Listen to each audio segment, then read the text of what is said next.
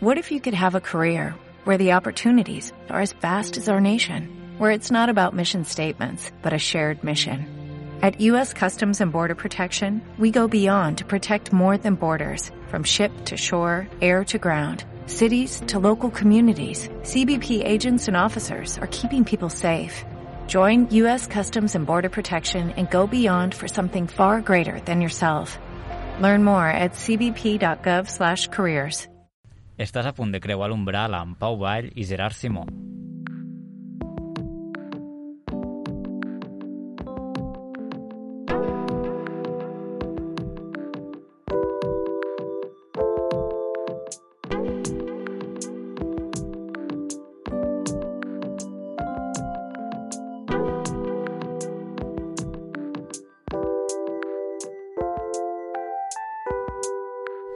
Doncs benvingudes i benvinguts a un nou episodi d'Umbral Podcast. Aquest episodi porta, diguéssim, coença des de fa, fa molt de temps. Primer de tot, la Laura Serra, eh, que s'ha incorporat, diguéssim, a l'equip d'Umbral. La Laura ja la coneixeu. Hola, Laura. Hola. De fet, um, ha participat tant als de Fem una peli, és la eh, compositora de la intro del podcast, o sigui que segur que ja us sona De de, moltes família. coses. Una umbraler més ja a la família. I la Laura ens ha portat a una molt amiga seva, eh, la, la Júlia Gescrivà. Hola, Júlia. Hola, bon dia. M'encanta que et presenti com a Júlia Gescriva. Ja, com, quin, quin nom utilitzem?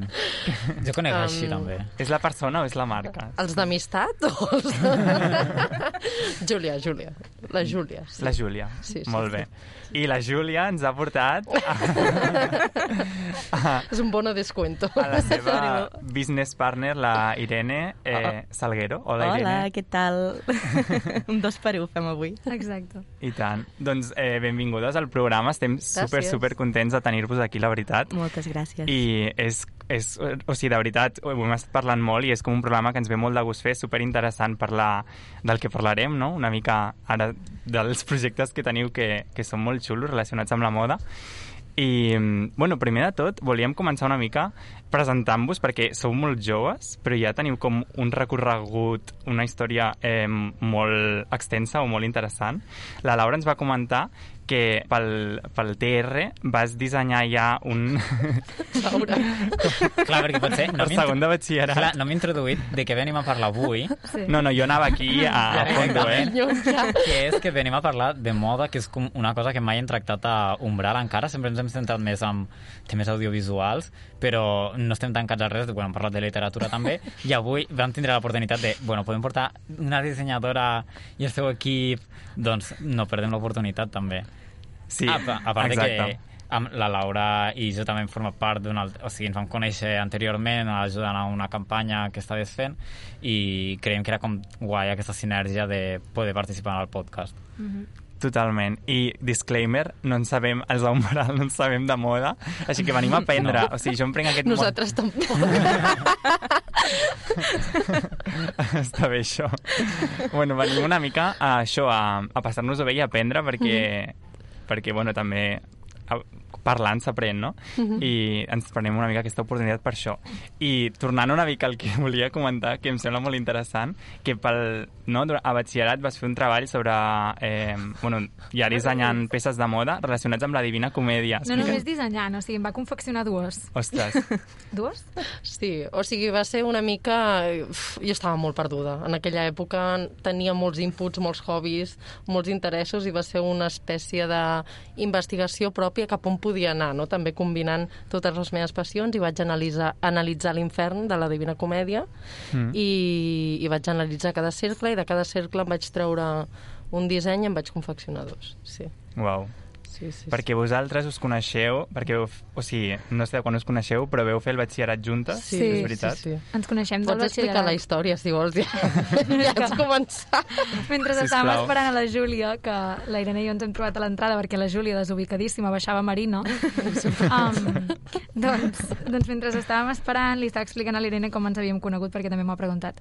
I resulta que la Júlia, aquí tal, tal com la veieu, que realment després té bastanta lògica amb el que ha fet, però va començar estudiant... Que de batxillerat- veure-la no la veieu, perquè no, perquè no fem YouTube. Després fem un vídeo. Tal com l'escolteu, uh, va començar fent batxillerat científic. Mm. Eh, I al cap de dues setmanes, em sembla que va ser, un, o Sí, 15 un mes, dies... un eh, mes. Un mes. Sí. Al cap d'un mes, eh, que nosaltres ja havíem començat el batxillerat eh, a una escola meravellosa de Vic, que és l'EART, doncs al cap d'un mes entra per la porta una noia i ens diuen, mira, una noia nova, no sé què. I la, i la Júlia anava amb, un, anava amb un ull completament vermell. O sigui, vermell de... O sigui, que no se li veia a la nineta ni res. Vermell. Sabeu? Com una capa vermella de sang. No sé. Com si m'hagués barallat, sí. Sí. Què dius? Sí, I, sí. I bueno, era perquè una setmana abans havia xocat amb una farola, llavors va ser, com... va ser una entrada Literalment, triomfal. literalment. Sí, sí, sí. I, I- tothom es pensava que m'havia barallat. Sí, i des d'aleshores ja vam ser molt amigues, perquè ja, ja, li, li, vam fer que seguís a la nostra taula, de gent xula i guai, i ja vam ser top best Sí. friends. Això és una cosa forever. que em podria passar a mi també, així que Sí? I can relate. No, sí, sí. O sigui, va ser saludant una amiga, em vaig xocar contra una farola, la farola quasi cau. O sigui... Com un gag, no? No, sí, sí. I va ser entrada triomfal. I els hi feia por, em vau dir que us feia por. No. No, ara diu que no, però... no, però... Va ser la que em va acollir, al És principi. que l'EART la gent és molt rara, o sigui que hi ha gent de tot. Bueno, jo crec que, jo la crec que gent- encaixava. La gent que no encaixa va a l'EART. O sigui, jo crec que és una mica... Bueno, la gent en general, no?, que estudia arts Sí. o carreres més artístiques, etc. Sí, jo no crec que és gent... fiar, no. No, No, no, no. gent desviada en general, no? Exacte. No, però que crec que tenim com una connexió diferent, peculiar entre nosaltres, no? També, la gent del sector, no sé. Sí, per això estem aquí. Sí, sí. Eh, I d'altra banda tenim a la, a la Irene. La Irene no està Sí. desviada. La Irene és Bueno, la... discutible. Sí. sí els... Doncs- És la que porta més la part business del projecte Sí. i és una crac. Tu què has Jo- estudiat, Irene? Explica'ns una mica el teu jo background. vinc d'un àmbit una mica més avorrit dels negocis. Jo vaig estudiar negocis i màrqueting internacionals i feia molts anys que vivia a la Xina. Jo portava uns més de 5 anys vivint a la Xina i viatjant per Àsia eh, com a responsable de, de vendes i d'expansió internacional de, de departaments d'empreses d'aquí de d'un parell d'empreses d'aquí de Catalunya. Aleshores, um, sempre m'havia dedicat a temes d'internacionalització dins del sector de la moda, internacionalització i vendes, però feia molt de temps que tenia una crisi interna molt, molt important, que és que m'apassiona la meva feina, m'encanta, però sempre he necessitat fer alguna cosa més social o més en la que, en la que cregui, que m'aporti felicitat i valor eh, per mi. Aleshores, jo abans del Covid estava en una crisi molt, molt, molt, molt gran. Vaig decidir deixar la feina que tenia aleshores i havia de fer un canvi laboral. Aleshores, en aquest temps, període de temps, va començar la Covid. I vaig dir, va, me'n vaig de vacances un parell de setmanes, que això no durarà gens. I, bueno, encara seguim. Aleshores, la Xina va tancar fronteres, no vaig poder tornar a la Xina i me'n vaig tornar aquí a Barcelona. I eh, durant aquest període de temps, eh, la meva mare em va dir, escolta, que la filla de l'Alícia, la filla de l'Alícia és la Júlia, que ma mare, les nostres mares són amigues, que la filla de l'Alícia, que, que té, eh, és dissenyadora, que s'ha interessat un fons d'inversió xinès en el seu projecte, que té dubtes, tal, per què no l'ajudes? I vaig dir, va, sí. I vam xerrar un dia, vam estar amb el tema dels xinesos, ens vam caure superbé, ens vam fer amigues i al cap de pocs mesos em va demanar matrimoni. Laboral, incís laboral. em va demanar matrimoni laboral. Es va enamorar, No clar. compartim més vincles. No, sisplau, no. posar-ho sota dubte, això. Una cosa, una cosa, però és que... O sigui, que fort, tot plegat. Sí, sí. Sí. Per una banda, com la pandèmia no ho va canviar tot, Sí. per una banda, i de l'altra banda, quants, o sigui, quina edat teniu? Ui, Ui, preguntar això? Ui! La Eh, Irene ja té la targeta rosa, eh? sí, jo vaig coixa, tinc la targeta rosa. No, però perquè, jolín, teniu com, en sèrio, o sigui, com el, el projecte és molt interessant, teniu ja com, bueno, ara en parlarem, no?, però que heu, heu portat coses a terme ja molt, uau, que gent amb, amb, de la tercera edat. Jo és que m'he quedat amb el fons d'inversió xinès. Sí, sí. Ara, després vull detalls. Bueno, no, el que es pugui dir, però... doncs Quants jo en tens, tinc, eh, jo en tinc 28, faig 29 aquest any. Mhm. I tu, Júlia? 22. Com de 22. Uau, és que... Sí, Com tota la resta d'aquí, que som del 99. Sí, som del Del 99. 99? Ai. Molt bé, molt bé. Una, Llavors- una anècdota molt graciosa de la Irene és que no va poder entrar, tornar a entrar a Xina i vull que expliquis que et vas deixar el pis de Xina. Espera, m'estàs parlant de la caixa? Sí. Val. Um, això gaire professional no és, eh? Per No, però es pot. Sí, sí. Clar. Doncs es veu que a Xina no es poden entrar certs objectes. Vale. O no, no, no es venen, no es comercialitzen allà? Sí, allà hi ha, hi ha molta censura. Aleshores, allà moltes coses que utilitzem aquí o que trobem aquí, allà no hi són. Aleshores, eh, doncs portava temps allà i l'època en la que es va M'estic posar... imaginant, eh, el que. No crec. Sisplau, que tothom es faci una idea. Digues L'època... el número, també, el número de... Sí, sí, ara ho dic, ara ho dic.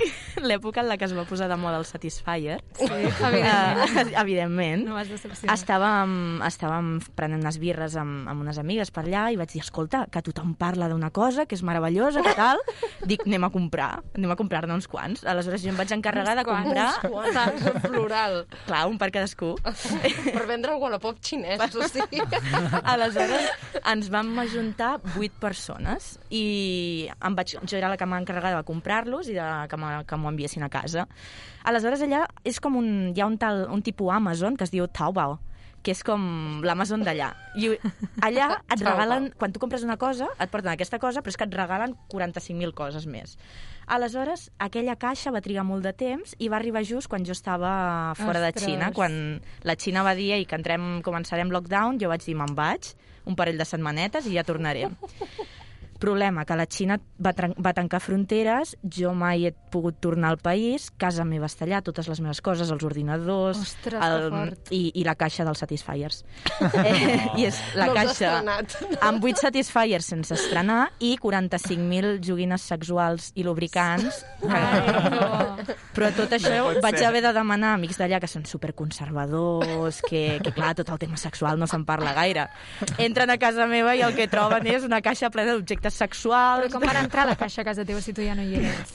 perquè jo com, sóc un desastre absolut i sempre... La quan- deixar obert o no, però sempre estava viatjant allà. Aleshores, un amic meu tenia la clau de casa meva, li vaig dir, Vale, guarda-me-la perquè segur que algun dia em passa alguna cosa i necessitaré que, obri, que entris a casa. I, i va anar bé que I tingués la clau. efectivament, molt bé. Efectivament. Bé, però bueno, avui...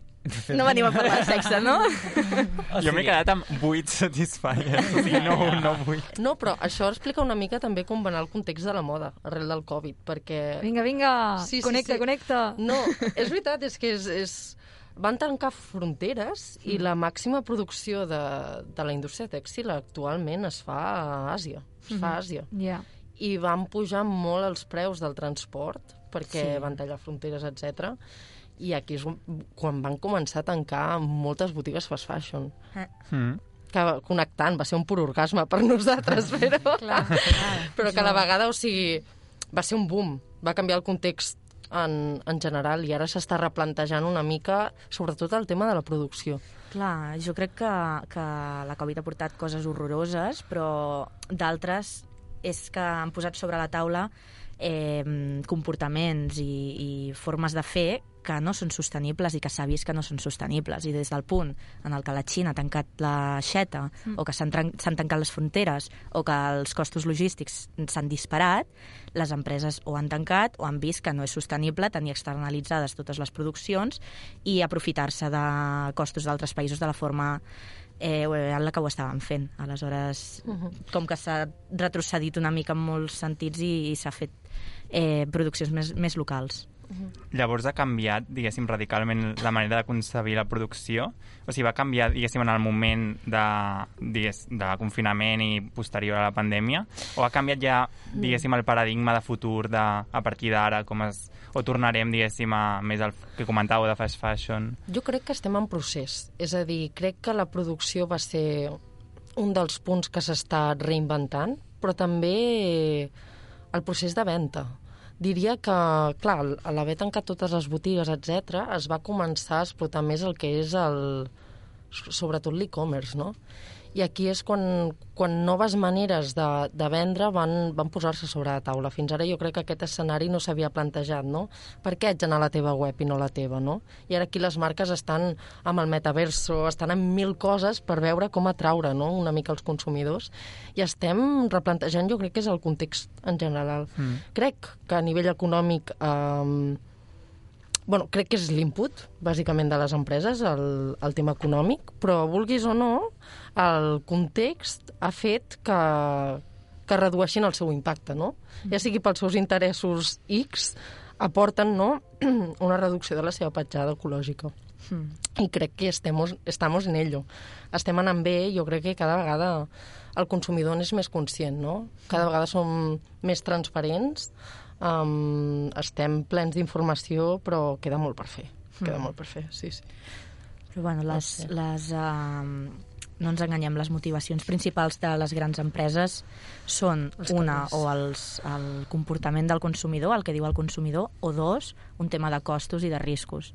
Vull dir que si s'ha fet qualsevol canvi per part d'aquestes empreses, no pensem que és perquè són meravelloses i, i s'han adonat de que millor produir de forma local o millor eh, eh, fer les coses millor. No, és perquè han vist en risc les seves entregues, perquè han vist que els costos logístics s'han multiplicat per, per, per 10 o més i, i perquè bueno, han intentat trobar altres solucions. Però jo, a mi m'agradaria pensar que, que això és el principi perquè molta gent se n'adoni que mm. hem de canviar la forma de, de, de, de concebre, sí, sí, sí, de concebre la indústria en general. Que interessant, realment, sí. eh? Veure com hi ha hagut un punt d'inflexió radical. Uh -huh. De fet, bueno, crec, em recorda bastant el, el projecte de MedNew que vau presentar fa superpoc, el, del qual formes part, uh -huh. que... Bueno, no sé si podeu explicar com en general, una mica... El projecte. Que no potser, hem clar, explicat la marca de la Júlia encara. Clar, és que el tema és que... Potser no? Hem de fer una pausa i dir sí. que... Perquè, clar, la gent que no la coneix, que clar, és poca el que... que... Sí, home. El projecte conjunt del que estem parlant i de, que teniu és la marca Julia G. Escrivà, sí. que seria com una marca que va néixer, doncs, clar, que estaves encara estudiant i, i ja va sí, sorgir sí. aquesta... Um, uh -huh. aquesta marca de la qual vas, fer vas presentar a la 080 aquesta última edició, la col·lecció Utopia i per la qual és com quan ens vam fer el primer contacte. Era el segon cop que anava a la 080. El segon cop. Per de fet, què? eres la, la noia més jove, no? En, en, uh -huh. en, en la primera vegada, el 2019, uh -huh. va ser, en, en presentar... Clar, clar, és que... Ens hem... Tenim aquí, a Umbral sal... Podcast, la dissenyadora més jove que ha anat a la 080. Eh? I més mentidera, sí. perquè Pots vaig entrar mentint, o sigui... vaig passar-m'ho pel forro, és a dir... Jo dic, home, jo el currículum posaré estudis a la llotja. Jo no diré que encara estic estudiant. Saps què vull dir? És que així, així s'aconsegueixen les coses. Ah, sí. sí, molt sí. bé, molt bé. Que, que fort.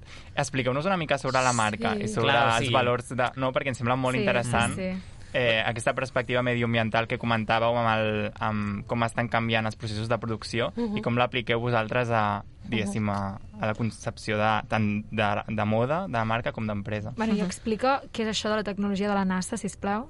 Tenim aquí moltes coses. Vale, jo, jo crec que ara mateix el projecte té dos cames, una mig coixa que és la Irene. no. no, però són dues cames que jo crec que, que són fonamentals, no? Tot això va néixer... Per això es diu Júlia G. Escrivà, no? Perquè en el seu moment era com... No veig que s'estigui plantejant un nou model on a mi m'agradaria començar a consumir, començar a defensar, etc. Per tant, ho haig de fer jo, no?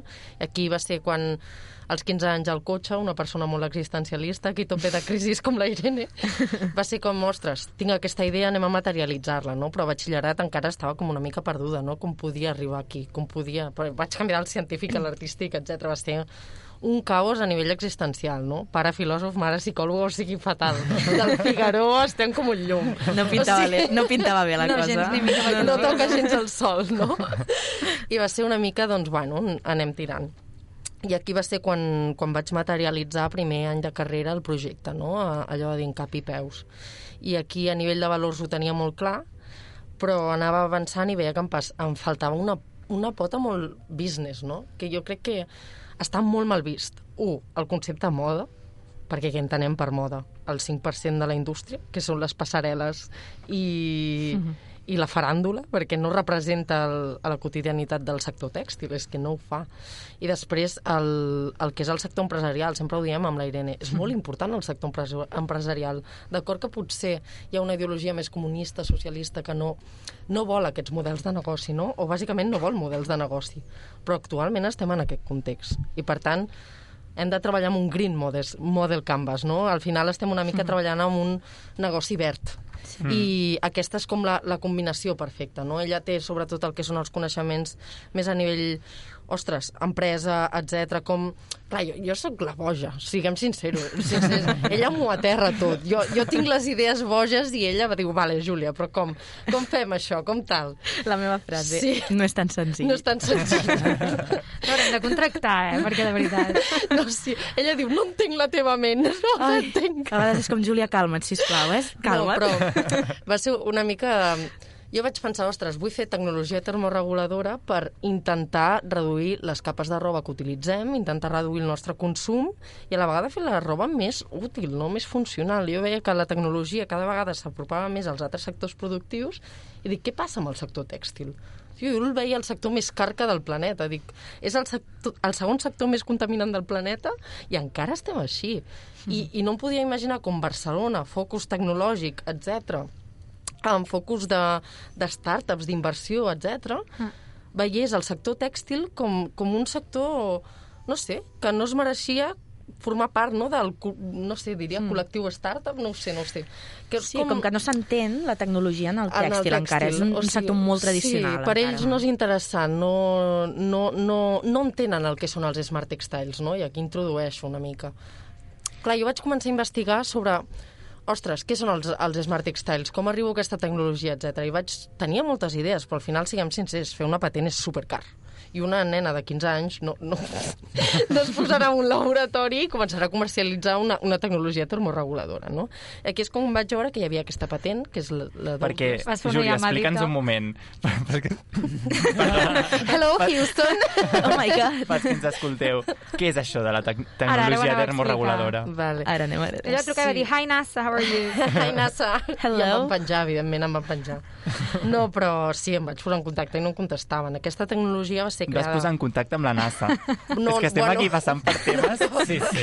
És que el secret és que la Júlia és extraterrestre, ve d'un altre planeta. I m'ho crec, eh? Jo també. jo també. No, però... Ja ho afirmo. Hòstia, Laura, tio. No, però... Vale, bueno, els meus pares corroborarien que... No, però Jo, ja m'heu desconcentrat. Que, no, que, què són les Perdó, càpsules no, Als 15 anys et vas posar en contacte amb Outlast? Sí, amb els... i no, evidentment no em van fer cas, no? I jo vaig veure que aquesta gent va crear aquesta tecnologia pels astronautes que patien moltes fluctuacions de temperatura a l'espai. I van crear com espècie, aquesta tecnologia, que són unes microcàpsules termoreguladores, que canvien d'estat segons si fa fred o calor és, és una espècie de reacció química que canvia de sòlid a líquid. Si fa fred, es solidifiquen aquestes microcàpsules i no deixen passar aquest excés de fred, i si fa calor es liquen i transmeten la frescor al cos. No?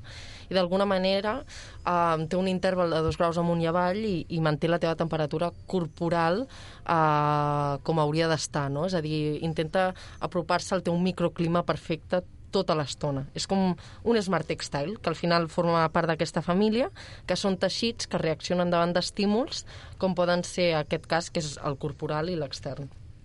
I, I hi ha molts tipus de smart textiles. Què passa?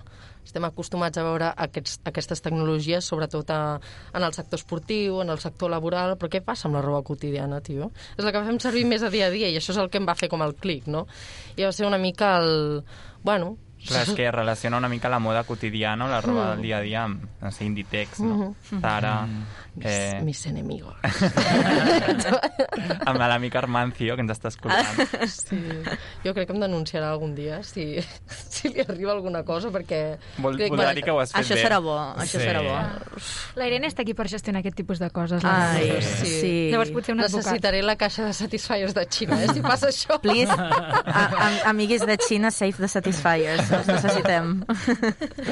No, però, però al final, al final és el que deia la Júlia ara, que la idea que va tenir jo crec que és meravellosa, que és a través de tecnologies termoreguladores què és el que estem fent en, en roba urbana, que tothom porta roba urbana dia a dia.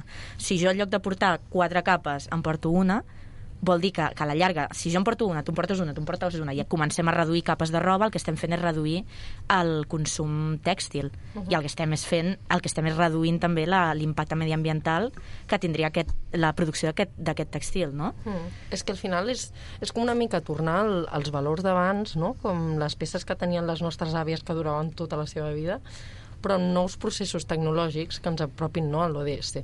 I com, I com deies abans, el, el tema de The New va ser una mica com, ostres, som molt conscients que per canviar la indústria hem d'anar de mà d'empreses, però sobretot d'institucions perquè qui té els calés ara mateix per recolzar petits projectes, startups, etc són les institucions i a part són les que poden polititzar una mica aquesta acció, no? I va ser com la idea de crear aquest programa, vam entrar en un programa europeu que es deia Fashion Restart, que va néixer post-Covid tot, una mica, i va ser com... Els hi vaig proposar, dic, hòstia, per què no fem un programa sota un manifest, perquè al final lo personal és político, no? I vam redactar un manifest i ens el van acceptar i aquí la idea era agrupar diferents empreses um, per col·laborar sota estàndards sostenibles, no? I, I una mica aquesta va ser la idea i com va néixer de Metniu. I aquí és on, on la Irene i jo vam, ostres, al final com presentar de forma formal no? aquest mm. manifest, etc i ara ja som unes 15 empreses d'arreu del Mediterrani, ha començat el projecte, uh mhm. -huh. però clar, al final és un manifest de la Unió Europea. O sigui, per nosaltres és un somni, no?, també, perquè dius, ostres, ens estan fent cas, no? Sí. I, clar, jo me'n recordo el dia que els hi vaig presentar, dic, m'enviaran a la merda, com la NASA, m'enviaran a la merda, saps què vull dir? No, però, tio, els... bueno, estic parlant així molt, molt de Figaro, eh? Però... Bueno, ja. però va ser com una mica... Ostres, que bé, no?, que les institucions comencin a confiar que també hi ha molt rotllo burocràtic que, que evidentment s'ha de canviar sí. a les empreses, a les institucions a, a sistema, com es mouen els calés en aquest sistema, en aquesta indústria Uf, és que és, és, hi ha moltes coses a dir. Però, però bueno, sí. també, també el, el tema de la, de la Unió Europea és, és, és un alt, aquest projecte és un altaveu també. Nosaltres sempre, és el que parlàvem abans, fins que el consumidor no estigui convençut de que canvia, ha de canviar els seus hàbits i de per què ho ha de fer, molt probablement seguirà comprant a Inditex, Exacte. seguirà comprant a, a, a totes les uh, marques de, de fast fashion. Aleshores, el, el fet d'anar de la mà d'una institució eh, pública, com podria ser, en aquest cas parlem, parlem de la Unió Europea, eh, eh, ajuda també a, a comunicar tot això, el per què hem de fer aquests canvis, a tenir un, un, una plataforma de comunicació molt més àmplia i arribar a moltes més persones. Mm. És com una espècie d'etiqueta com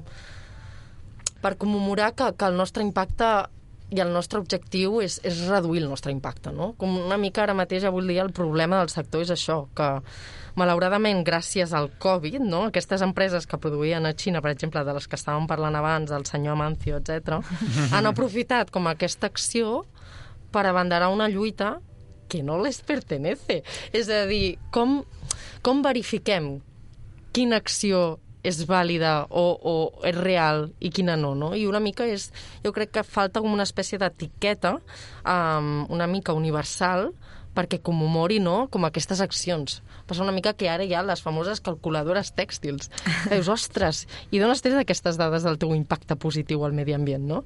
I una mica el que hem de fer és no, no dispersar tant el que és el sector tèxtil i intentar unificar aquest càlcul per tenir un control real no, del, de l'impacte de la indústria tèxtil. Mm, sí. Però bueno. Que interessant, estic en silenci perquè la veritat és que el podeu fer sol pràcticament al, Jo tinc preguntes. podcast.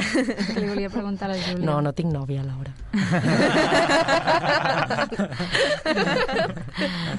no, no, però era una pregunta... Una pregunta més de, de la part artística i conceptual de, del teu disseny. O sigui, perquè a part de tot, tot l'àmbit més um, polític i, i, sí, i de l'impacte polític que té, la part artística, o sigui, les teves peces tenen un disseny, per tant hi ha una idea artística al darrere, un concepte, uh -huh. llavors, sí, vols explicar-nos una mica d'on sí, neix? Sí, sí, A veure, el tèxtil realment no podem renunciar tampoc a la nostra expressió, no? Al final la moda en si és una expressió artística, també. Ostres, és el que representa la nostra identitat, etc. I molts anys em va costar acceptar-ho. O sigui, tenia com molt marcada l'acció política, però evidentment tenia una vessant artística, però el que era el sector de la moda era com faràndula, faràndula, faràndula. I una mica el, el meu trencar amb tot això, amb aquest, amb aquest input, amb aquest toc que tenia, va ser presentar-me a 080. Dic, Júlia, et fot ràbia? Dic, doncs t'hi presentes i intentes canviar el concepte. I realment és molt important, perquè, com deies, és, és una expressió artística. Jo crec que, ostres, una desfilada pot, té, té tantes connotacions artístiques que és, que és una brutalitat a nivell de feina. Dius, ostres, vosaltres que feu comunicació audiovisual, dius, ostres, per 10 segons de vídeo, no? Tot el que s'ha hagut de fer per 10 segons de vídeo, però realment és que és una expressió artística molt maca, no? I d'alguna manera és, és, és una passió. Per exemple, ara estem dissenyant una nova guia de talles i és molt complicat perquè tu al final has de dissenyar patrons que s'adaptin a tota mena de cossos per intentar reduir l'impacte, tenir en compte colors que són atemporals, però per què són atemporals? Clar, és que, perdó, eh, però una cosa que no hem dit és que la, la roba que feu també no té gènere, o Exacte. té la voluntat de no tenir gènere i, que, i que no sigui una roba per un tipus de tall en concret, no? Exacte. Que això crec que també és molt important. No, clar, aquí, aquí hi ha diferents investigacions, no? Tot amb... ho estem combinant amb tecnologia, no? Per exemple, el primer que vam fer va ser la teoria dels colors amb Neil Harbison, que és el primer cyborg que va néixer veient en blanc i negre i a través de l'antena pot escoltar els colors, va, teníem la teoria d'aquesta temporalitat, no? I van corroborar amb ell que els, els colors que sonen més fluix són els que ens posem més sovint. Per tant, O sigui, veu quedar amb, el, amb aquest senyor que vi, Sí. viu a Catalunya? A Mataró. Sí. Viu a Mataró? No, de fet, sí, ara viu... Ara, carrer número... no, però sí, vam Uau, quedar amb que- ell. Mm. Sí, sí, és, que, és, és que aquí se'n poden fer quatre episodis i encara Madre xerraríem. mia, una Que- que- fantasia. Que, que, clar, jo des del batxillerat sóc la persona més transhumanista del planeta. Sí, sí. tu pots Totalment. dir. O sigui, O sigui, una mica el que, el que volia amb ell era, era teoritzar, no com aquesta teoria de la temporalitat. Dic, sí, home, Júlia, perquè tu ho diguis, el disseny que fas serà més atemporal. Per què ho és, no? I una mica, a, a través dels colors, vam, vam arribar a la conclusió que els que sonen més fluix són els que ens posem més sovint. Per tant, si juntàvem diferents um, accions, com incloure aquests colors en totes les col·leccions, incloure aquestes peces que s'adapten a X cossos, clar, al final reduïm el consum de, bueno, reduïm la producció que fem, reduïm els patrons, reduïm les hores laborals, reduïm mil coses, no? I una mica perquè tingui sentit el que fem, perquè no sé. Sí, sí és, és, uh, això va de la mà del que parlàvem abans, de ser més respectuoses amb el medi ambient i ser més respectuoses amb la societat, perquè nosaltres entenem La aquest, sostenibilitat la d'aquesta sostenibilitat manera, amb sí. 360 graus. Aleshores, si volem que una peça de roba duri molts anys, ha de durar molts anys perquè ha de ser de qualitat, però ha de durar molts anys perquè avui ha d'estar de moda i d'aquí 10 anys ha d'estar de moda, no? I tot el tema de la temporalitat dels dissenys i la temporalitat dels colors va en aquesta línia. Sí, Aleshores... amb les tendències líquides una Sí, mica, perquè sí. no són sostenibles. Mhm. I si vols explicar lo de la guia de talles, també. Sí, eh... No, no, no. Ah, no. ja xerrem molt, no? No, no, no, no, no. És que el podcast ens... ha- O sigui, el l'esteu presentant vosaltres, sí que estupendo. Molt millor, la veritat, perquè el Gerard i jo estem aquí. Si no ens calleu, no parem. No, no, fins demà. Endavant, endavant. Explica això. No, que uh, és el que comentàvem ara. Nosaltres fem roba sense gènere. No creiem en estereotips de gènere, no creiem en estereotips de bellesa. És roba sense gènere, roba que s'adapta a tot tipus de cossos.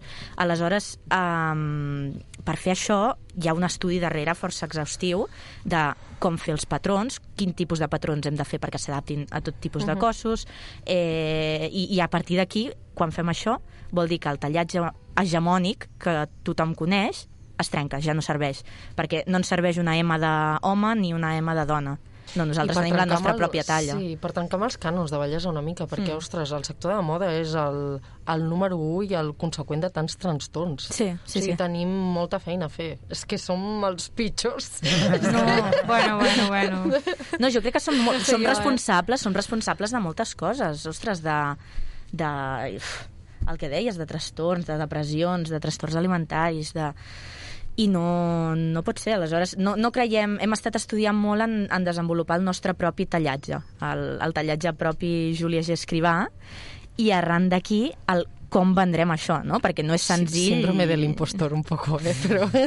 Perquè, o sigui, vosaltres teniu referents, encara que no sigui referents de marca, vull dir, d'altres països. Sí, sí, teniu sí, referents de 100%. marques que estiguin treballant Sí. així. Bueno, més, més ens basem en... ostres, veiem que hi ha dissenyadors a, a nivell històric, per exemple, el, el que és la roba andrògena o sense gènere o etc ve de, de segles anteriors, no estem inventant res, no? però una mica potser no, no es feia tant per una crida social, no? Potser era més uh, una tradició. Sí. Com, sobretot a, a, al nord d'Àsia, a Japó, hi ha molts, molts, per exemple, el meu estimat Yoshi Yamamoto fa dissenys uh, que s'adapten a tota mena de cossos i, i ell sempre ho ha dit, no ho ha fet com a... E- És, és quelcom que forma part, part també de la seva cultura, no? de la seva manera d'entendre els patrons, la sí. caiguda, els materials, etc. O sigui, sí que admirem a molts dissenyadors, però és com una mica estem agafant creacions i idees, no? I intentant-les encaixar amb el nostre discurs una mica. Mm -hmm. Uau. Perquè el meu dubte és, quan comences un projecte així, com fas que arribi a, al públic? O sigui, ara mateix, si vull Clar. Una, Una samarreta, peça, sí. una peça, com, com funciona? Perquè, Mm. clar, em sembla com molt complicat portar-ho a producció.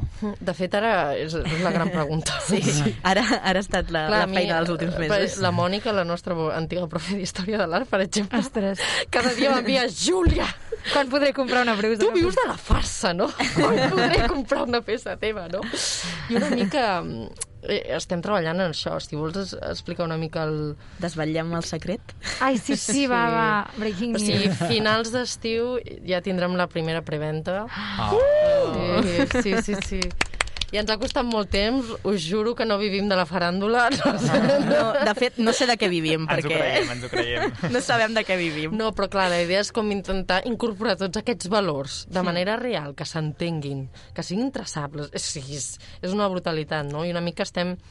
Farem una preventa eh, a través de la nostra e-commerce, Sí. aquí, a nivell nacional, on cada usuari podrà personalitzar la seva prenda de roba veient el seu cos a temps real, no desvetllem més detalls. Vale. Uau. Una cosa, podeu tornar a fer un podcast un Rotllo cop hagueu obert. En la segona part. Sí, Claro. sí, Farem... sí. Bueno, i jo firmo ara mateix que us vull tenir aquí a finals d'agost. Que guai. Doncs Sí, i tant. Nosaltres, Nosaltres sí, sí. encantades. I, I una mica aquesta és la idea. Estem desenvolupant també una calculadora amb suport de, de professionals de la càtedra UNESCO, és a dir, estem... estem preparant una bomba, esperem, un Sí, Big Bang. Esperem que sí, perquè al final això va molt... És, és uh, part del, del, que, del nostre objectiu. Nosaltres no volem fer una marca de moda i vendre. Nosaltres volem canviar la indústria. I per canviar la indústria i tenir una influència i un impacte important a la indústria, ho hem de fer de forma radical i ho hem de fer uh, el més gran possible, no? I per això estem trigant Clar. més temps, perquè Ja. volem I fer... el ser peça més- tecnolo... sí. Clar, el ser peces tecnològiques més cares al final hem de produir més. Però com produïm més assegurant-nos de que no crearem estoc. Per això Mm. Exacte. estem trigant tant, no? Perquè una mica és com quadrar tot Clar, això. Sí. perquè o sigui, és inevitable formar part del sistema. Llavors, Sí. a l'hora que produïu, si voleu que sigui com un mètode més estàndard en la societat de Clar, aquí- consum, clar. és com, com ho fas? Aquí ho estem lligant amb l'economia circular i estem en ello, perquè realment crear, com tu dius, per tenir impacte, quin sentit té, no?, també. Sí. I... Jo us- sí, digues, Jo us volia preguntar pels costos que poden tenir, que no tinc Les idea... vostres peces. Les vostres peces, no? Vale. Perquè molta gent, quan, quan sent a parlar de- d'altres marques o de, de moda sostenible, eh, diu, ostres, és que això la classe treballadora no s'ho pot permetre. Va, és molt bona pregunta. És, és Sí. un canvi de paradigma de... No? Clar, Fins a jo- quin punt et Mhm. compres, pregunto, eh? eh jo què sé, quatre vegades a l'any vas a comprar el Zara Sí. o et compres una vegada a l'any unes peces que et duren més. Clar, és que Però qui, té- qui té la garantia Ah, de és que, que et té el discurs Digueu, preparat, jo digueu, sé. Júlia, digueu. vinga. Necessito la caixa de Xina, Irene. Ah, ja, després truco que te la guardin, a veure si jo, l'envien. jo crec que aquí hi ha diferents coses a tenir en compte, no? Per una banda, estem normalitzant l'explotació laboral, no? I el concepte de preu uh, de la roba que tenim actualment és fals. És a dir, si per tu una peça de roba cara és una samarreta que costa 70 euros, ostres, tenim un problema. I aquí tenim dos papers, no? Les marques hem de ser transparents i, i mostrar la traçabilitat de les nostres peces de roba, no? Per demostrar quin cost té cada, dels, cadascun dels processos. I també el consumidor ha d'allargar una mica el, el cicle de vida de les peces, no? Perquè, ostres, posem sobre la taula una samarreta de Zara et durarà dos, tres anys, el seu cicle de vida és molt curt però realment és una mica valorar, valorar la, les peces de... Ostres, és com començar a introduir el, el concepte inversió no? en, en el tèxtil, una mica d'ostres, si compro una peça a la nostra empresa, per exemple, que, ostres, és de proximitat, té tecnologia, és atemporal, em diuen que és inclusiva, um, em durarà X anys, um, m'asseguren que si ja no la vull més, um, tindrà circularitat, no? Una mica és com invertir en tot això, allargant el cicle de vida de les teves prendes, ostres, potser la meva peça et dura 20 anys. La trobes cara, però clar, et gastaràs dues vegades més si vas comprant les mateixes prendes de Zara durant aquests 20 anys, no? Mm. Una mica és com hem de no veure tan lluny el, el que és l'emergència climàtica, o sigui, ens toca. És quan el Covid estava a Xina, dius, no arribarà mai aquí.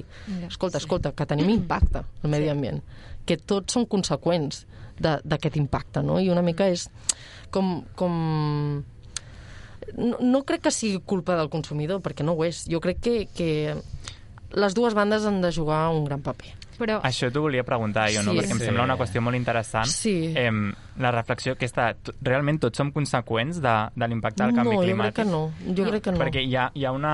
Algun cop ho hem parlat preparant l'episodi, Sí. això. Hi ha una individualització no molt posada de vegades a, en, en la petjada de... Com es diu? Petjada de carbono. Sí. Sí, de Petja- carboni. De carboni, això eh, individual, en això, si tu recicles o no recicles, si compres això o compres allò, i després veus les eh, estadístiques aquestes que es fan de, sobre realment qui té la causa, no? o qui té eh, de qui és responsabilitat sobretot el, el canvi climàtic. O qui et té el surten- poder, també, Sí. no? i qui té el poder de canviar-ho i et surten això, 4 o 5 empreses que es dediquen Sí. al petroli, al carbó, al no sé què, no sé quantos i dius, hòstia, i jo estic aquí eh, eh, estressant-me perquè he tirat un pot de vidre al de plàstic, saps el que vull Que dir? s'ha de fer Sí. igualment. Que eh? sí, sí, jo no estic òbviament. banalitzant el reciclatge, simplement Mm.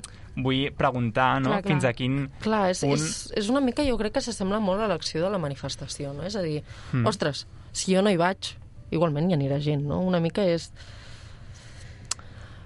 Els, les persones individuals, al final, canvien les coses amb, amb un col·lectiu, no? No sé com dir-t'ho, és com... Hem de, És, hem de ser grans col·lectiva. de sorra una mica, no? I al final crec que sí que arribarà un punt on les institucions posaran normatives molt estrictes en, en les indústries, perquè crec que en cinc anys petarà. Sí. Però d'alguna manera, fins que arribi això, encara tenim un impacte real. I que encara que sembli petit uh, per l'ecosistema, uh, la petjada hidràulica, la petjada ecològica en general, um, aportem el canvi. I ens ho hem de començar a creure, no? Com una mica, ostres, si tens Covid et confines. doncs si no recicles, uh, contamines X també, no? Com, no ho estic comparant perquè són panorames totalment diferents, perdoneu, però per, perquè s'entengui que al final Causa són conceptes, sí, són, sí. Són conceptes molt propers i que en, en som responsables. Sí. I... Això que dius jo- tu... Ai, Ai, perdona, digues, digues. No, dic, això que dius tu de les institucions, crec que en, realment en, en cada indústria cada vegada s'estan posant, entre cometes, més les piles, perquè en el cas del cine, per exemple, fins ara no hi havia cap normativa, bueno, de fet no hi és encara, cap normativa que analitzés, uh, per exemple, doncs la, la, la despesa que hi ha en els rodatges, perquè mm, en els rodatges de cinema Són, bueno, Mm, apocalíptics, no es, una con... mica. sí, Sí. o sigui, es contamina moltíssim. Hòstia, no era conscient. Us No només, amb el, tirar- no només en el rodatge, sinó en l'amagatzematge de, de, de les imatges, els discs durs, el, o sigui, tot plegat és com un consum mm, exageradíssim. Llavors ara, tot just, les institucions comencen a dir, bueno, si vols que et dongui subvencions, has de complir tals punts, i aquests punts són que almenys has de complir aquest tant per cent de... Està saps? I ho comencen a fer Sí. una mica ara molt lleugerament. Bueno, tu, Gerard, tu saps més Sí, perquè... sí, de fet, o sigui, estan sorgint aquestes figures de... En un, ro- o sigui, centrar-nos en el rodatge, que és com la, la part més d'usar i tirar tot i, i tot aquest... Bueno, els desplaçaments de cotxe, avions, bueno, és eh, brutal. Sí que hi ha com aquestes noves eh, funcions dins el rodatge on hi ha gent de l'equip que es dediquen a, a vigilar això. Uh -huh. Però, clar, això és um, bastant nou, perquè, sé, a veure, jo no, soc, no estic dins de la indústria professional, però sí que a grans produccions sí que ja hi és aquesta funció i s'està intentant com aplicar en, en altres més petits. I, de fet, és curiós perquè, justament, o sigui, estic fent pràctiques a una productora i en una reunió es deia de que precisament les, les produccions més grans són les que respecten més tot això Uh -huh.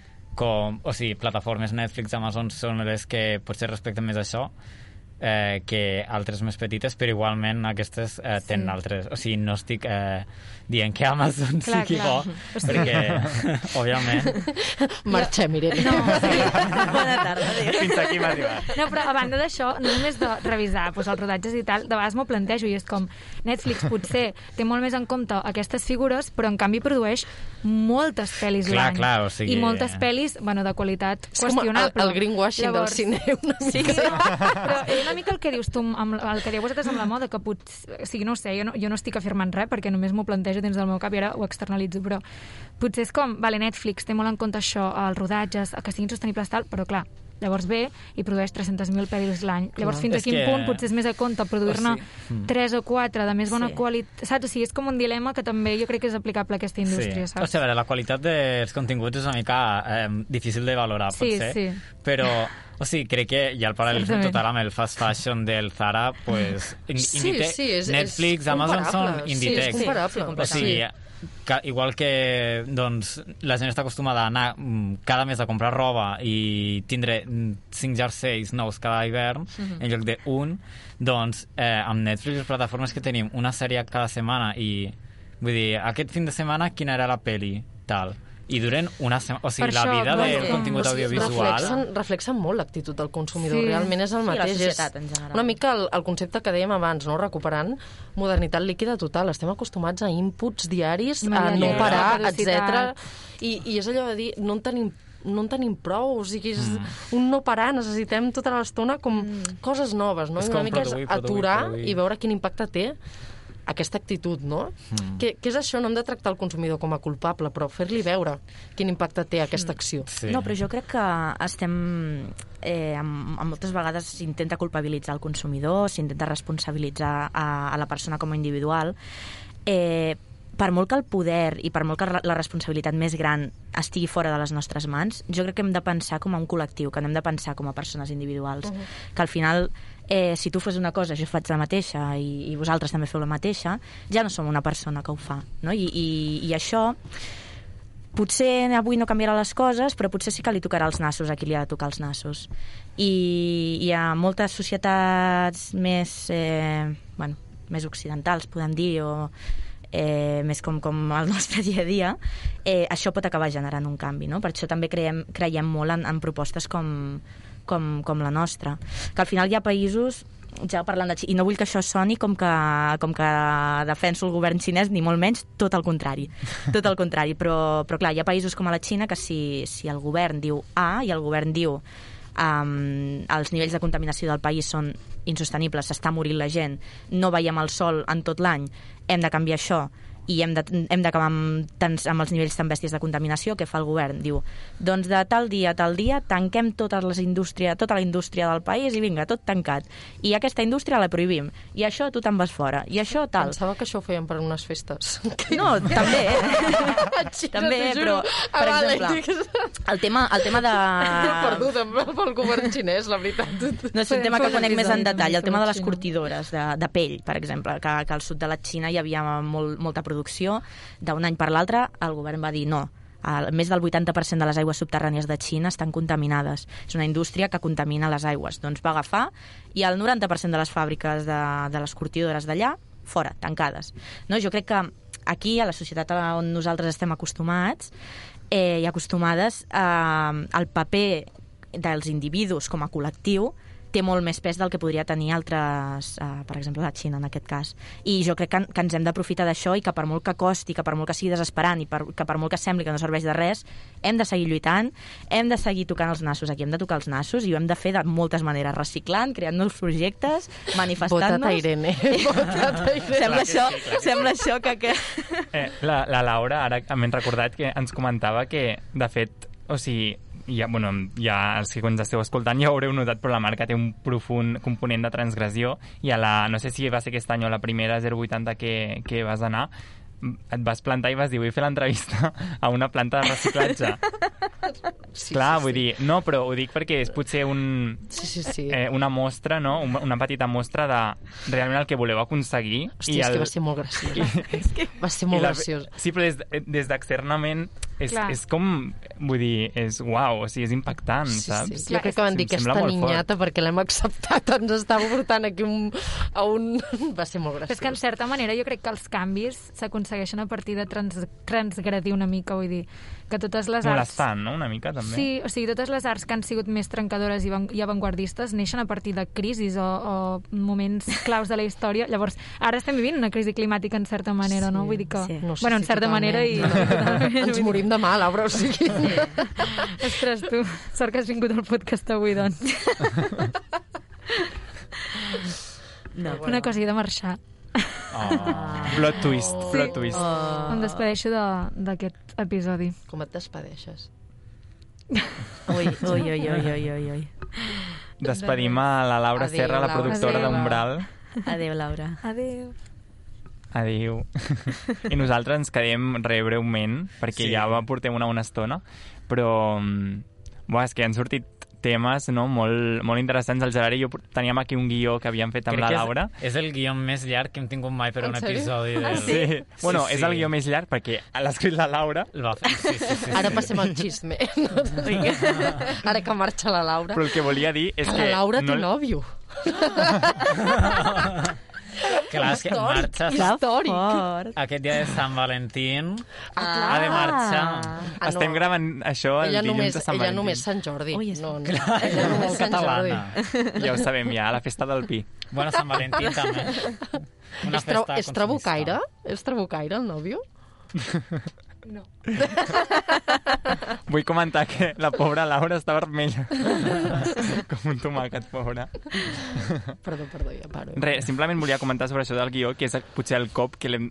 O sigui, que la conversa ha estat tan inter... bueno, està, està sent tan interessant que és que no, no és abordable, en plan, més, Sí. és més interessant com Ai, Gràcies. Sí. seguir amb vosaltres. És que... Perdoneu, és que xerrem massa. Sí, xerrem Però està molt. superguai perquè ha estat com... Ten, ho teníem preparat, ho tenim present, però hem anat com improvisant directament. Jo m'agradaria que diguéssiu com us agradaria que...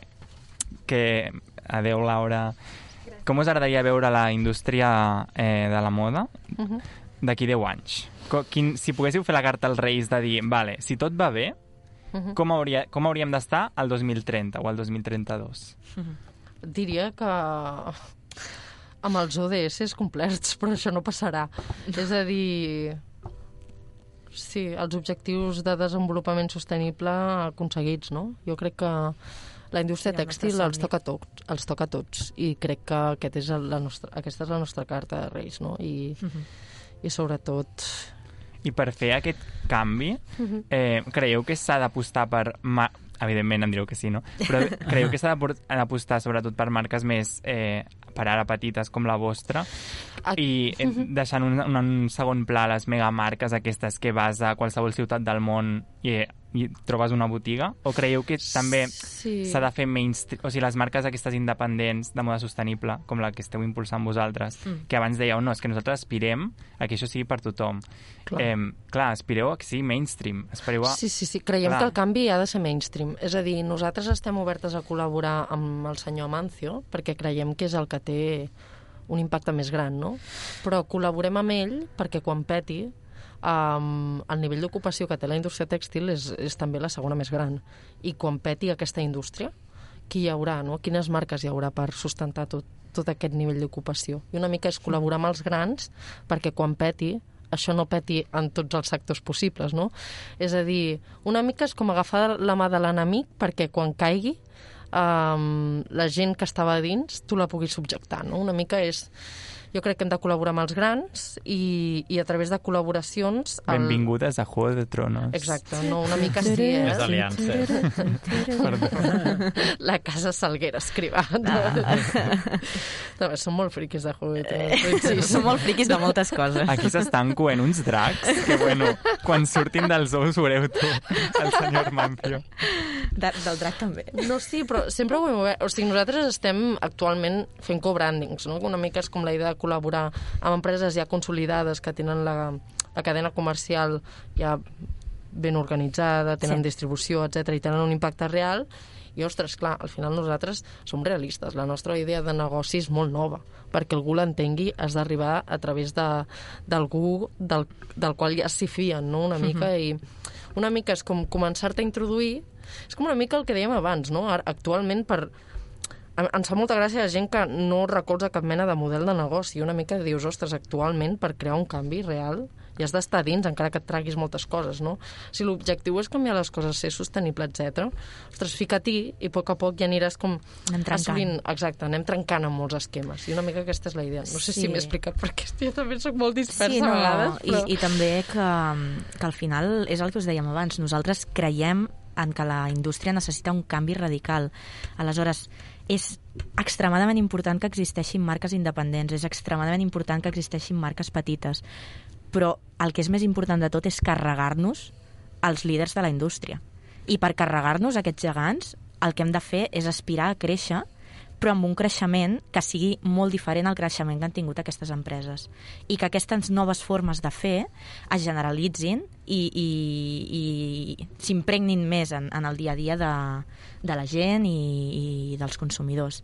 No? Per, això, per això sí que creiem en, en, en, en un canvi més a, a lo grande, més que, mm, Clar, més que clar. petit. Però que no vol dir que no recolzem els petits projectes o les marques més petites independents, tot el contrari, bueno, que és el que som ara mateix, vull dir, tot el contrari, nosaltres sempre a, mort amb això, però, però és el que deia ara la Júlia, si ens volem carregar els que estan a dalt de tot, hem d'anar a, a carregar-nos els de veritat, Uh -huh. i això farem. I, I entenem, eh, que el concepte mainstream... eh, Mainstream? Mainstream? No, però em, mainstream em sembla una eh? perspectiva eh, atípica, al contrari, de vegades, no? Sí. Es, vull dir, la gent pensa que consolidant-se com a independent, doncs ets l'alternativa, no? Ets, Mhm. et pots, pots créixer, no sé què, però és que el que vosaltres esteu intentant fer és molt més eh, ambiciós i és, és, vull dir, és molt més eh, valent també. Mhm. Em sembla molt més interessant perquè realment suposa un canvi, no? L'altre, Sí, és més perillós, també, suposo. clar, però... tam, és, Sí. té més riscos. I, I- Això ens agrada. I també moltes vegades, moltes vegades també hem de fer esforços molt grans perquè sabem que per poder arribar aquí a vegades hem de deixar de banda certes coses que a nosaltres ens trenca el cor i ens cremen per dins i som 100% conscients però, però hi creiem, i creiem en que... En I que... ja les repescarem, no? Més Clar, endavant, exacte, quan, quan exacte. estiguem més consolidades, no?, una mica. Clar, no es Exacte. pot tenir tot, no? És a Clar, l'inici. no som 100% sostenibles actualment, et mentiríem, però és No. l'objectiu, no? I això sobretot és el que intentàvem impulsar amb el programa europeu. Si t'hi Sí. fiques és perquè tens aquest objectiu i anualment et passem una espècie de, no formulari, però una espècie de fitxa com per corroborar que segueixes amb aquests objectius. Clar, Que pot ser la persona més contaminant del planeta, senyor Mancio, si vols formar part del col·lectiu de Diu, pots apuntar-t'hi. Però que sigui l'objectiu, no?, una mica, de, Sí. i, i, i sobretot és això, que i fer-ho col·laborant fer-ho col·laborant, Sí. que no sigui una marqueta, una marca petita, una marca petita, una marca petita, no, creem comunitat i entre tots fem coses. No, no, no serveix de... som la CUP tèxtil. Ostres, molt, molt polític sembla això, sembla això de... No, però, però, però és això, no creiem ni en, ni en competència, ni en vendrem més que aquest, o no sé què. No, nosaltres l'objectiu és canviar la indústria. I, i, I és que no podem seguir vivint com vivim. I per fer això, creiem en les col·laboracions. I creiem en les col·laboracions amb, amb, amb gent que opina com nosaltres, gent que fa les coses com nosaltres, gent que fa les coses millor que nosaltres, i creiem en les col·laboracions amb empreses que encara mm, deixen molt, que encara han de, han de canviar molt, però, però és això, mm, creiem que s'ha de col·laborar en àmbit privat, en àmbit públic, en àmbit en tots els àmbits i, I tenim I bueno. gent molt diversa a l'equip, o sigui, ens Ai, sí, el, els ens equips. encanta. Um, ostres, amb, sobretot amb dones li, liderant, ens, ens hi sentim molt còmodes. Serà Tenir- per la societat patriarcal, però és que és el que ens agrada una mica, no? Sí. Gent del col·lectiu, ens hi sentim molt còmodes, perquè Sí. és gent que realment té com... És més fàcil que entenguin els valors d'inclusivitat, vulguis o no, han estat sotmesos a repressió, és Sí. més fàcil d'entendre tot el que volem defensar, no?, una mica. Sí, de fet, el nostre equip és això, gent del col·lectiu també hi ha LGTBIQ. homes, hi, també hi ha homes cis hetero, però ens encanta perquè és com una mica, ostres, Homes cis una heteroblancs. mica la representació de la societat una mica, no? Al final, ostres, entre tots tenim tots els punts de vista i podem canviar les coses una mica, és, és, és aquesta la, la idea, no? Perquè ara, la, o sigui, comenteu això de l'equip, a l'empresa, diguéssim, quantes sou? Com... Sobre paper, dues. Sou vosaltres dues? Sobre no paper, diria set. Sí, sobre Vale. vale. som set. Sí, I- sí, porque estamos en ello, eh? No trabajamos ilegalmente. No, no. Som, I això, i, i el, Això té molt nosaltres valor. promovem que dins de l'equip doncs, eh, sigui dones, siguin identitats de gènere dissidents i, Mhm. I si hi ha d'haver-hi algun home cis hetero blanc també l'acceptarem, però... Haurà de passar un test abans.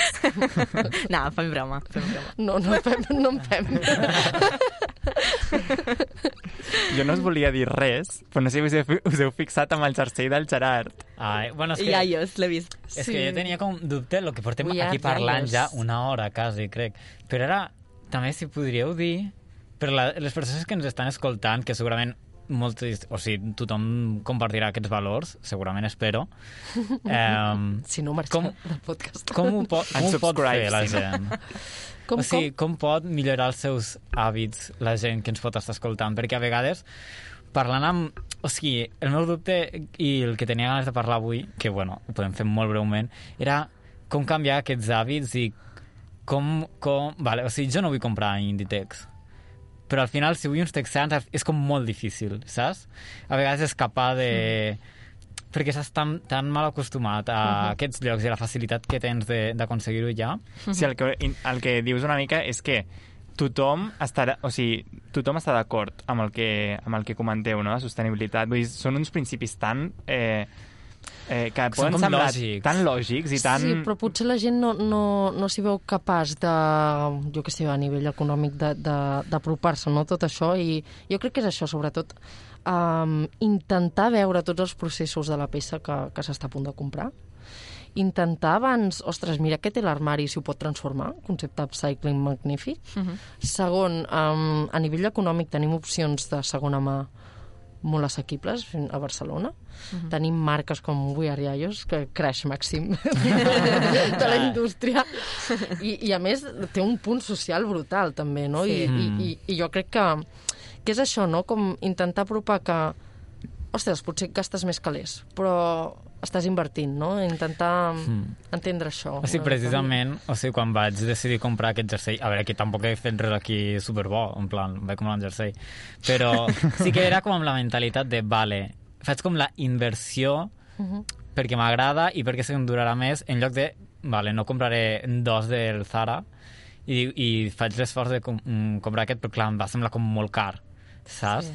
Es venen sobre els 70 Clar. euros, perquè us fa una idea, i realment Clar, si te'n compressis dos o tres dels altres, ja estaria, saps? Vull dir, tampoc... Però clar, aquest et durarà tants anys i realment Sí. és que 70 euros és el que et És costa... el que val, no? És el que És el que costa per comentaves tenir un de que- impacte positiu, exacte. Sí. O sigui, Clar, és- realment... Els preus són una fal·làcia. No, Exacte. m'ha semblat molt... Sí. M'he quedat una mica amb això de que Sí, els preus que sí, sí. veus No no, són és el, real, que, no. el cost real, no? Exacte, exacte. I és que és com impossible, o sigui, a vegades ho parlem amb, amb amigues i això, és que és impossible mm, donar millors preus que el Zara, és que mai hi haurà opcions així.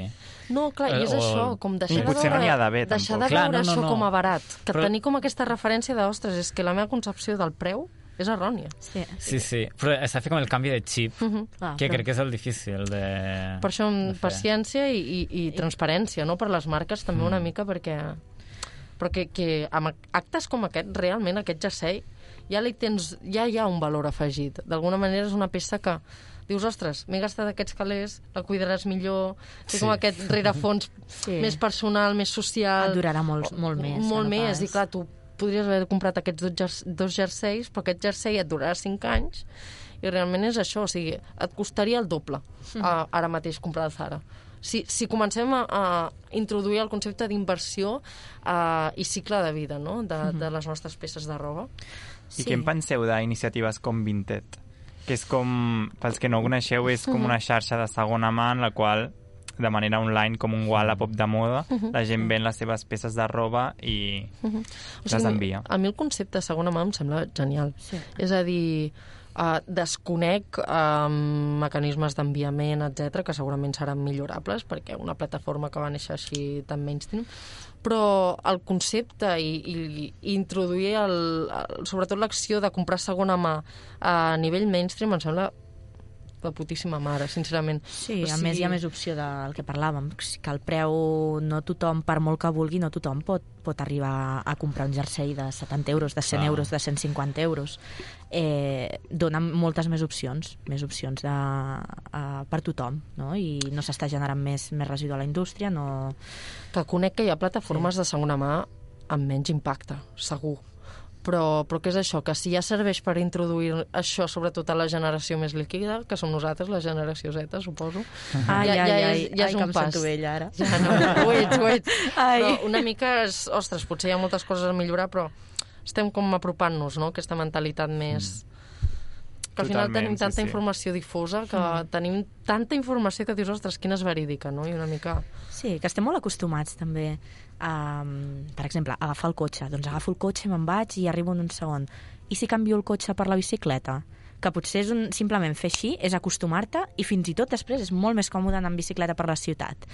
Eh, amb el tema de la roba és el mateix, anar a un Zara és molt còmode perquè saps que troba, ho trobes tot, que ho trobes a un preu assequible, que trobes coses que són maques, eh, però si et mentalitzes a, a, a fer aquest canvi i en lloc d'anar allà, doncs anar a altres llocs de, de segona mà, a, a petites creadores artesanals o a llocs, marques independents, marques sostenibles, potser simplement és fer el, el xip, fer el canvi i ens n'adonem de que d'aquesta manera ens podem adonar de que no és tan difícil i de que ho podem integrar en el nostre, en el nostre dia a dia. Que guai. molt bé, molt bé. Doncs crec que és un xip molt, o sigui, molt potent perquè el fast fashion és una cosa amb la qual la nostra generació ha conviscut, almenys l'adolescència, infància, i, Mm. i per molta gent és, és realment difícil eh, fer aquest pas. Així que crec que aquest episodi precisament pot ser un del, molt interessant per, per gent que potser no ha sentit a parlar d'altres de, Sí. processos de producció com, com el vostre. I, I per obrir la ment, no? Aquest, aquesta altra forma d'entendre el consum de la roba, que crec que només que es faci aquest pas eh, ja tindrà molt guanyat de, com per o- portar altres iniciatives a, al mainstream. Sí, volem dir que tenim molt a millorar també, o sigui... Per ens suposat. Som, sí, sí, sí, que no, Estem molt lluny de la perfecció, no volem eh? Alliçonar dir, ningú no, no. ni només volem envalentir la gent, no?, perquè tirin davant propostes reivindicatives en tots els sentits i que la cagaran. I com nosaltres la caguem i la cagarem. I és o més, ens, cagat. ens encantaria, si, si en algun moment a, a, tot això tira endavant, ens encantaria que la gent ens digués ei, que l'heu cagat aquí, ei, que tal, perquè, perquè És l'única manera és de, de forma millorar, de canviar, no? clar, I, clar. Però una mica és això, que, que nosaltres no, no venim ni a alliçonar ningú, només com presentar quin, quin, com veiem nosaltres no? aquest context i què intentem fer. Que bueno, tenim i a moltes coses carregar-vos al senyor. A carregar-nos uns quants. Sí, sí. Molt bé, molt bé. Doncs, eh, Els Juegos del Hambre. Ara hem canviat de Juego de Tronos a Juegos del Hambre. Totes les novel·lo- novel·les distòpiques són lo mío. les corredores del, del laberinto. Sí, sí, sí. Home, l'inferno de Dante d'abans que hem comentat... Sí. Mm, molt bé, no pots estar saps què vull dir? no, no. No, però moltes gràcies per convidar-nos. Moltes gràcies. Gràcies a vosaltres. per venir. Ens ha encantat, gràcies. Sí. Ha estat, uh, ha estat molt guai. I per acabar, nosaltres sempre demanem a les convidades que triïn una cançó. No sé si us l'heu pensat... La nostra cançó... Tu és creus? La... Sí, no, Sí? és la nostra cançó. Bueno, hem de, però, però expliquem el per què. Hem, hem, Expliqueu, pel, projecte, expliqueu. pel projecte europeu hem hagut de... Hem estat viatjant tot aquest últim any, hem anat a Egipte, hem estat per Turquia, Itàlia, Grècia... Incís, incís, perquè ara diran, aquestes no paren de viatjar s'ho passen pel forro.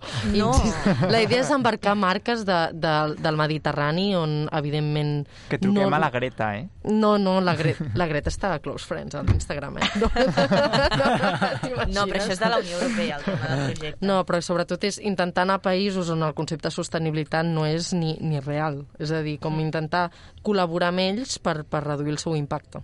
Com una mica Mm. brainwashing, però en plan bien, en plan Greta, acéptanos, però...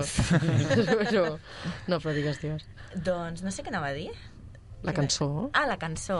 Sí, la nostra. Això, que en tots els viatges sempre ens posem una cançó que ens anima molt. Ens animo. No, No. no. tenim ni idea de què diu, no la tenim veritat. ni idea de què diu, però sempre que la posem ens posem de bon humor. I En quin idioma és? És que no en tenim ni idea. és, és molt trist, eh? És, mo- és, és, és, És la, trist, la de Love No Entity, aquesta de... Sí, igual. Com, com... Com es diu? com es diu? Ostres, ens sona molt, molt exòtica. És, és guai perquè... No, o sigui, ens sona com una barreja de cultura superinteressant i és una cançó que, que dic, en qualsevol país que anem, encaixa. Sí, És la vostra cançó. És la És la cançó nostra. atemporal. És la cançó la Júlia em, va em va regalar mm, Una làmpara. una llum amb la nostra foto i aquesta cançó l'altre dia. és Oh, perquè tant se val que sí. tinguem un mal dia, tant se val que, que haguem eh, rebut males notícies, que el projecte no surti com vulguem. Sempre ens posem aquesta cançó, ens posem a ballar i se'ns passa. Les cures, sí. les cures. Eh, Love No Entity. Sí. Molt bé, doncs acabarem l'episodi escoltant la vostra cançó i Ja altra veuràs vegada... tu què diu la cançó després. Ja, Ara ho hem de buscar la traducció. Hem de buscar la traducció, sí, sí. Bueno, gràcies. Moltes gràcies. Sí, moltíssimes gràcies i pels que ens esteu escoltant podeu esperar el proper episodi d'aquí dues setmanes a Umbral i res, us deixem amb aquesta cançó. Adéu. Adéu! Yeah, yeah, yeah. Ah, yeah. My baby, my Valentine. Yeah. Yeah, now you the make my temperature dey rise. If you leave me a good time, I swear. You are like the oxygen I need to survive. I'll be honest. Loving the thought me,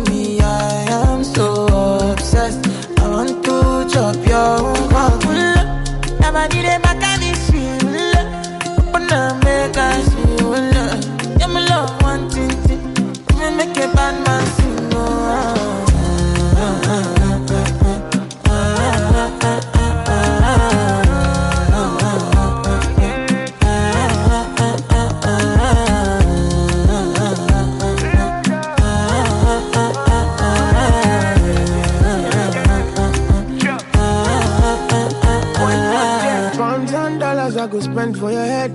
Talk all they want, I don't care what they say, cause your matter. Now him my con the carry for my head every night. Now you I want to carry to my bed, oh no no. Don't tell me no no no.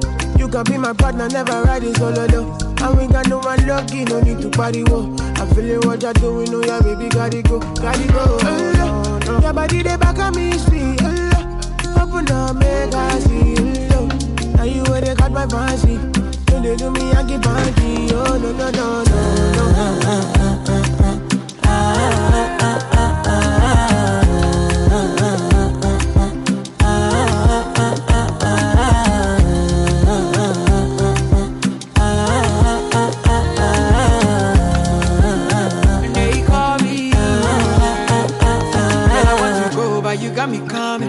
Why should I be coming early in the morning?